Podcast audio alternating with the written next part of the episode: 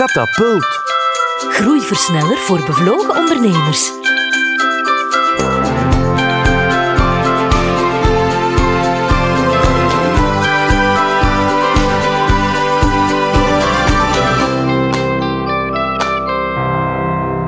Welkom, beste ondernemer, bij een nieuwe aflevering van Catapult, de podcast waarin we elke week op stap gaan met een boeiende ondernemer. Door hun ervaringen met u te delen, staat u er niet alleen voor en maken we de toekomst haalbaarder en duidelijker. Christina, het woord is aan jou. Op stap door de Antwerpse binnenstad met Philippe Jennen, een reisbeest puur sang. Ooit was hij het hart en de ziel van Barefoot Track, reizen met een coachend karakter. In de natuur, weg van elke connectie en op die manier ook naar binnen, naar je kern als mens.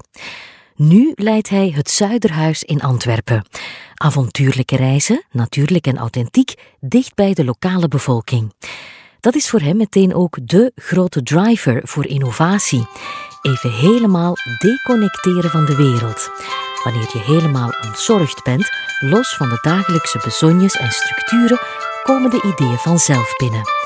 We reizen eerst even terug in de tijd, naar hoe voor Philippe het ondernemersavontuur begon. Van nature uit, nee, van opvoedingsgewijs, laten we maar zeggen, ben ik helemaal geen ondernemer. Uh, toen mijn vader... Uh, toen ik afstudeerde, dan zei mijn vader, en waar ga je nu solliciteren? Bij de NMBS, het spoor, hè? Of, uh, of ga je naar de post? Ehm, dus ik vond mij toen al een heel ondernemer dat ik zei, ik ga dat niet doen. Oké, okay, ja. Ehm, dus ik ging iets helemaal anders doen. Ehm, ik wou projectleider worden of zo, uh, iets, iets in een klein bedrijf of zo. Dus helemaal ja? niet wat dat... Uh, ja, wat dat mijn vader in gedachten had. Die, die, die dacht er nogal heel conservatief. Heeft ook 45 jaar op hetzelfde bedrijf gewerkt. Ja? Dus uh, ondernemerschap uh, zat eigenlijk helemaal niet in de familie. Ja. Um, en dan ben ik gewoon gaan werken. Heb ik verschillende, verschillende jobs gedaan, laten we maar zeggen. Uh, van mijn 23 tot mijn 30. En het, het, ik kreeg altijd een beetje ja, last met mijn bazen eigenlijk. Dat was een groot probleem. ik werd ook overal, enfin niet overal, maar ik ben een paar keren toch uh, echt de deur gewezen. Zo van, en dat we hier nooit meer terugzien. En, en waarom? Ja, een beetje te eigenwijs denk ik. Een beetje te... Uh, een beetje te eigenwijs misschien wel, ja. ja. En, en zo kwam ik eigenlijk regelmatig toe in conflict met, uh, met, mijn, met mijn baas. Ik heb er ook hele goeie gehad, wat ik heel echte mentors, laten we maar zeggen, die, dan, die u dan sturen en, en waar dat je echt wel naar opkijkt en die u dan wil laten groeien in de, in de, in de, in de functie. Maar dat is eigenlijk een beetje zo een plots een inzicht gekomen voor mij. Van ja, moet ik, moet ik eigenlijk wel voor een baas werken? Mhm. Want dat, dat werkt precies niet goed. Hè? Dat, uh, um, en toen ben ik nog op uh, mijn 33 jaar, nee, 30-jarige leeftijd, denk ik, uh, ben ik uh, nog een MBA gaan bijstuderen. Dat wou ik dan doen, omdat ik toch meer die economische achtergrond, toch ook een beetje nog een excuus van, ik ga nog niet ondernemen, want ik ben nog niet slim genoeg. Okay. Weet je wel? Ja. Dus daar zit, wel, er zat wel wat drempel op voordat dat ondernemerschap echt kwam. En toen dat ik die MBA had, had gehaald, laten we maar zeggen, dan ja, heb ik gelijktijdig ben ik dan uh, in een bedrijf ingestapt als consultant. Uh, op zelfstandige basis dan. Dat was eigenlijk de eerste stap in het, in, het, in het ondernemerschap. Ik ga zelf voor mezelf zorgen en ik ga mijn diensten aanbieden. En zo ben ik dan in een bedrijf gestapt Mhm. als consultant. En na een jaar hebben ze daar, eh, dacht ik van, goh, leuk bedrijf. Misschien kan ik participeren. Heb ik gevraagd, mag ik niet participeren? Dan heb ik een stuk van de aandelen gekocht, lening aangegaan, aandelen gekocht. Maar ook daar dan een minderheidsparticipatie, waarbij dat dan uiteindelijk toch ook weer het conflict naar boven kwam. Want ik toch verschillende meningen, een beetje eigen gereid ook weer. En dat is dan, ja, dan zijn we terug uit elkaar gegaan.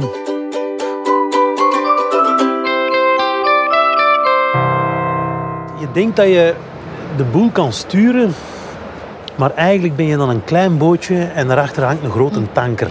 Ja. En je denkt van ja, ik ben hier goed bezig, maar die tanker trekt u dan toch ergens naartoe, waar dat je...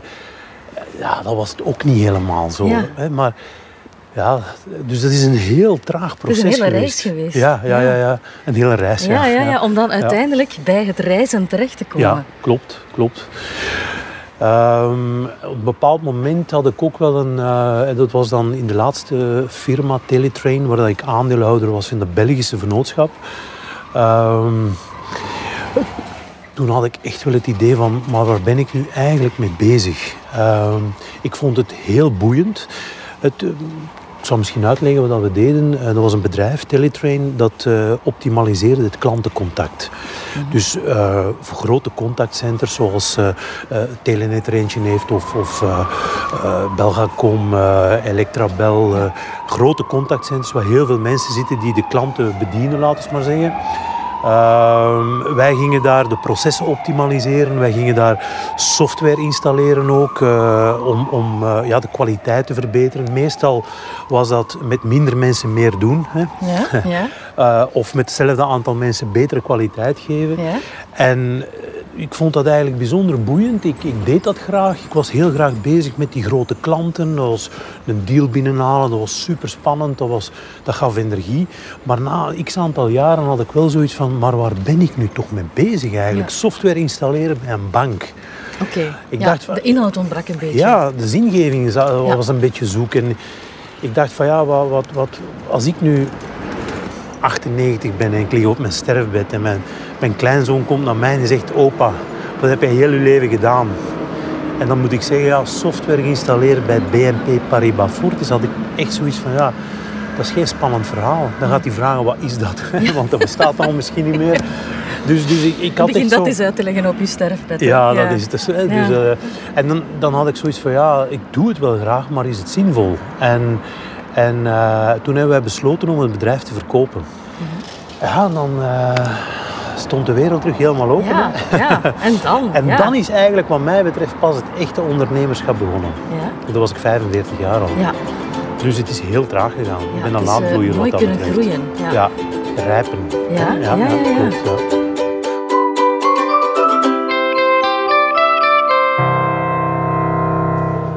Zuiderhuis is eigenlijk vooral gespecialiseerd in, eh, in, in reizen met een avontuurlijk karakter. Hè. Mhm. Eh, ook actief zijn in de, in de, in de, in de natuur, dat is de, de mainstream eh, gedachte. Dus we, we organiseren groepsreizen, we organiseren individuele reizen over gans de wereld, maar de rode draad erdoor is toch vaak het, het, de natuur en de natuurbeleving door er actief in bezig te zijn. En wat we ook proberen naar te kijken is, of, en dat we ook in slagen, is om te werken met heel kleinschalige eh, lokale partners. Dus dat, dat, dat de beleving, laten we maar zeggen, met de lokale bevolking, met de cultuur daar, dat, dat het geld niet gaat en, en, en, en de, de energie niet gaat naar een, eh, naar een grote eh, multinational die daar Ja. hotels heeft en zo verder. Ja. En die dat eigenlijk toch niet voelt of niet echt nodig heeft. Ja, maar wel de kleine Ja. lokale spelers. Ja, we ben bijvoorbeeld overlaatst in, eh, in, in Zuid-Afrika geweest en, en daarbij een, in, in, aan het Krugerpark Return Africa. Dat is een, een, een klein stukje van het eh, Krugerpark, maar dat wordt gerund door de lokale bevolking daar. Fantastisch, want ja, je voelt ook al het geld dat je daar dan geeft, dat gaat ook rechtstreeks naar de lokale bevolking. Die werken dat ook. Zij, zij doen dat in eigen beheer. Er is een populatie van 12.000 mensen. En, dat wordt, ja, dat wordt, en dan heb je het gevoel van, goh, ja, het is zinvol. Hè? Ja, ja, Ik- ja. Het, het geld verdwijnt niet in eh, de zakken van een of andere groot aandeelhouder van een hotelketen of zo. Dus die zinvolheid blijf je toch Blijft, ergens ook blijft, nog wel een beetje integreren in wat je doet. Ja, blijft. Ja. Dat is ook het mooie aan het Zuiderhuis, dat het echt vanuit het hart is, vanuit de passie. En niet, niet eh, het geld is een, is, een, is, een, is een noodzakelijk kwaad en is een, eh, een, een logisch resultaat als de zaken goed gaan, maar het is geen doel op zich. Ja.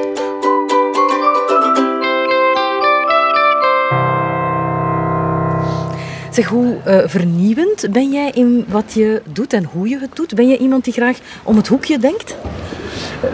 Vanuit het Zuiderhuis, laten we maar zeggen, de vernieuwing zit op verschillende domeinen. Eh, enerzijds uiteraard, eh, hoe gaan we eh, het, het, het veranderende businessmodel aanpakken? Hoe gaan we daarmee om?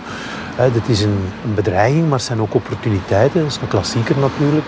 Maar de, de reissector is net zoals alle sectoren heel erg onderhevig aan de, aan de, de veranderende businessmodellen, waarbij het internet ongelooflijk grote rol speelt natuurlijk. Hè. Uh, vroeger was het een heel klassiek patroon. Je had, uh, je had uh, de, de reisagenten, ja. de, de winkels op de hoek van de straat, die de mensen ontvangden, die verkochten reizen. De Neckermans en de, de Thomas Koeks, de Thomas Koeken van deze wereld. Ja. maar ook de hele kleine winkeltjes, laten we maar zeggen. De hele kleine reisbureautjes.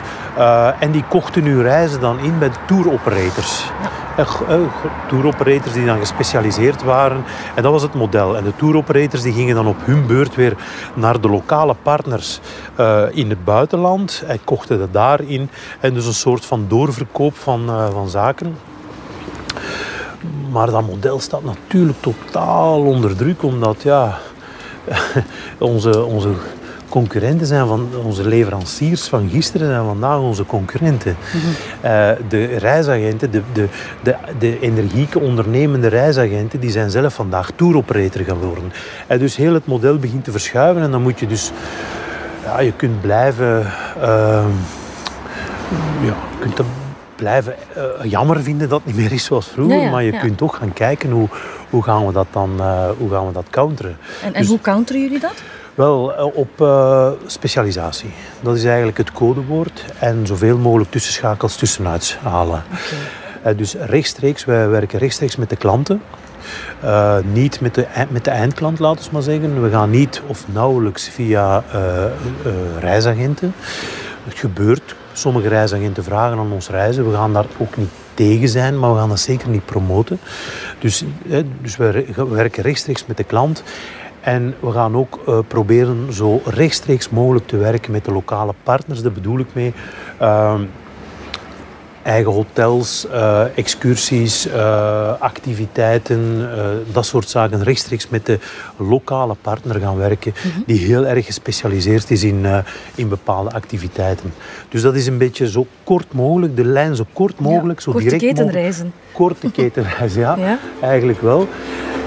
En, en zo gespecialiseerd mogelijk. Ja.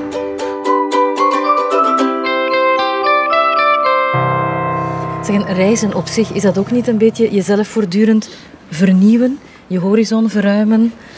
Uh, nieuwe dingen ontdekken ook uh, in jezelf misschien? Ja, uh, absoluut. absoluut ja. De, ja, het, enfin, persoonlijk, het, het, de natuur is en, en, en lokale mensen zijn zo inspirerend, vind ik ook. Om jezelf een keer in vraag te stellen. Uh, het is altijd als ik op reis ga een hele klus om terug in je dagdagelijks leven te komen. Omdat je zo in één keer je geest hebt opengezet. En, en, en, en het, het, het, hoe zou ik zeggen, het tunneldenken wordt plotseling helemaal hè, ja. opengetrokken. Ja. En dat is zo krijgt heel veel indrukken en impulsen. Ja, ja absoluut. En dat, en dat, dat, ik kom altijd, ik ben, nu, ik ben onlangs naar, uh, naar Zuid-Afrika geweest en ik kom dan terug met een karavracht aan uh, ideeën. En, ja. en, en na twee weken blijft daar nog maar een fractie van over hoor. Dat, dat, dat, maar dat is zo fantastisch om die om te voelen dat die energie borrelt. En uh, ja, ja dat, dat, is ja, absoluut. En dat is niet alleen voor mij zo natuurlijk, dat is waarschijnlijk voor heel veel mensen mm -hmm. die een keer uit, het, uh, uit de context, de dagelijkse context willen en dan een keer echt in contact willen komen met, het, uh, ja, met de wereld. Ja. Het is wel jammer hè, dat je dan toch die tunnel terug moet induiken? Ja, maar dat die altijd tunnel wat, zich toch een beetje altijd wat breder, ah, ja. die tunnel. Dus. En altijd verdwijnen er perspectief ja, wel. Er verdwijnen altijd wat blinde vlekken. Ja. En die, uh, die blinde vlekken, ja, enfin, dus daardoor wordt uw visie op de zaken ook uh, gewoon breder. En, en, je wordt ook gewoon rijker als, als, als mens. Ja.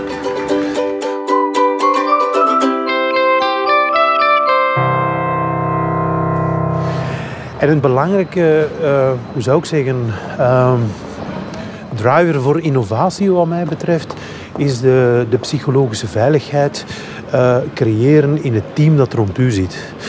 Um, mogen die mensen echt zeggen wat dat ze denken, wat ze voelen? Uh, kan dat? Hebben ze die vrijheid om dat te doen? Is dat veilig genoeg om dat te doen?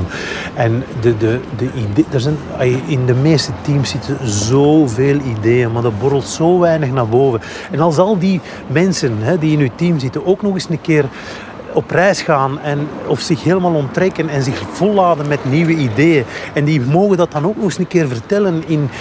Ja, dan, dan komt er zoveel naar boven dat... dat ja. Hoe creëer jij bij het Zuiderhuis die uh, psychologische veiligheid voor jouw medewerkers? Ja, dat is een, een, eh, een, heel, eh, een heel goede eh, vraag en dat is ook een heel traag proces. ik moet zeggen dat er zijn wel wat dingen in het verleden gebeurd, in het, ja, een paar jaar geleden binnen het bedrijf, die, die maken dat een, een organisatie bijna in trauma is. En een organisatie in trauma die gaat, ja, die gaat heel schichtig reageren. Die gaat in freeze, die gaat vluchten, die gaat ja, dat is, een, dat is heel lastig omdat zij de ervaring hebben of patronen hebben ingesleten gekregen die zeggen van als er hier iets verandert, wordt het altijd slechter. En eh, dat is een, een, een heel traag proces om, om dat weg te werken. En dat heeft alles met vertrouwen te maken. En de mensen vertrouwen geven dat ze wel de dingen mogen zeggen, maar dat gaat met mondjesmaat. Uh, heel voorzichtig, veel gesprekken voeren, uh, mensen de vrijheid geven om, om dingen te laten experimenteren. Uh, en systematisch, hoe zou ik zeggen, ehm, dat men dingen experimenteren, maar op een dusdanige manier dat ze uit hun comfortzone komen, maar wel een kans tot slagen hebben. Mm -hmm. En op die manier groeien. Als je in je comfortzone blijft, hè, want een organisatie in trauma of mensen die echt gecrispeerd zitten aan hun bureau, die, uh, die, gaan, die gaan niet uit hun comfortzone komen. Dat is te onveilig. De kans tot mislukken is te groot. Maar als je de ruimte creëert om toch buiten die comfortzone te, te komen en bovendien een kans op slagen te hebben die groot genoeg is en men mhm. slaagt daarin, dan stijgt het eigen, eigenwaarde terug en dan gaat, men, ja, dan gaat men groeien terug, dan komt het vertrouwen. En eh, het is op die manier dat je eigenlijk ook die trauma uit die organisatie wegkrijgt en dat mensen ook terug beginnen vertellen waar dat ze echt... Uh, waar ze echt mee zitten of, waar dat ze, of welke ideeën dat ze hebben. Dus die psychologische veiligheid is, ja, het heeft alles met vertrouwen te maken. Mhm. Zelfvertrouwen en vertrouwen in uh, de, de mensen waarmee dat je werkt.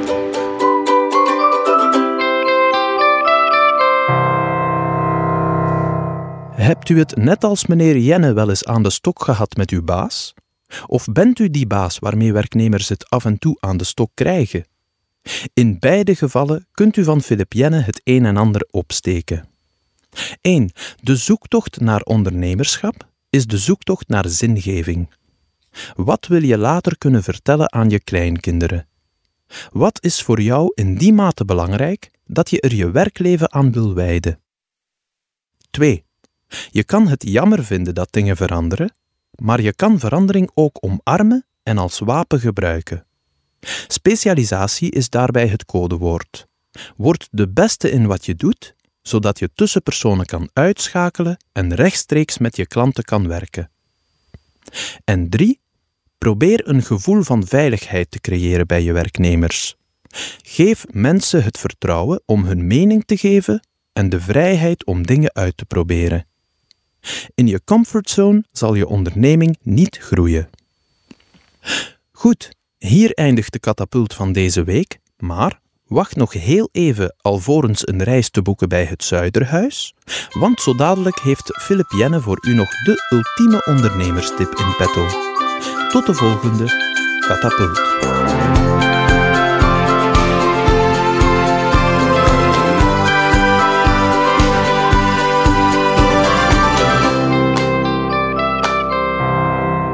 Deze podcast maakt deel uit van de Uniso Online Ondernemersacademie met podcasts, videolessen, webinars en online masterclasses.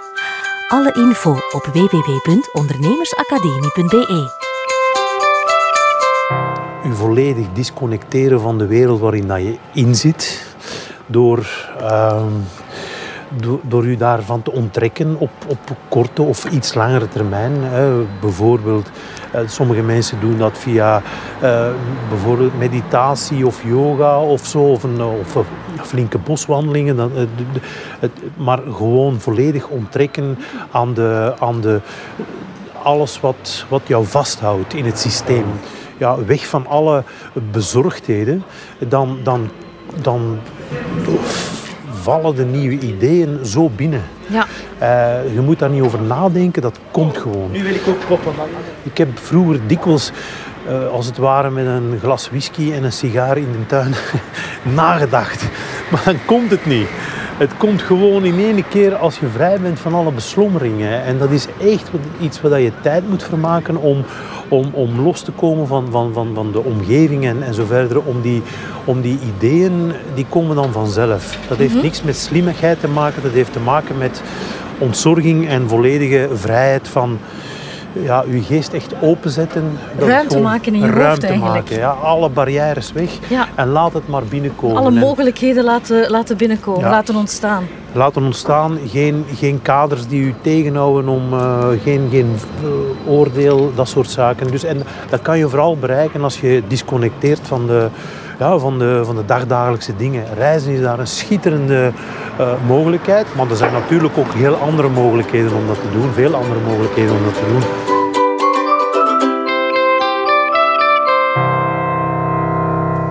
Deze podcast kwam tot stand met de steun van Sintra Vlaanderen en Liantis. Liantis wil innoverende ondernemers alle ruimte geven om te doen waar ze goed in zijn. En daarom zette het met veel goesting en plezier de schouders onder deze podcastreeks.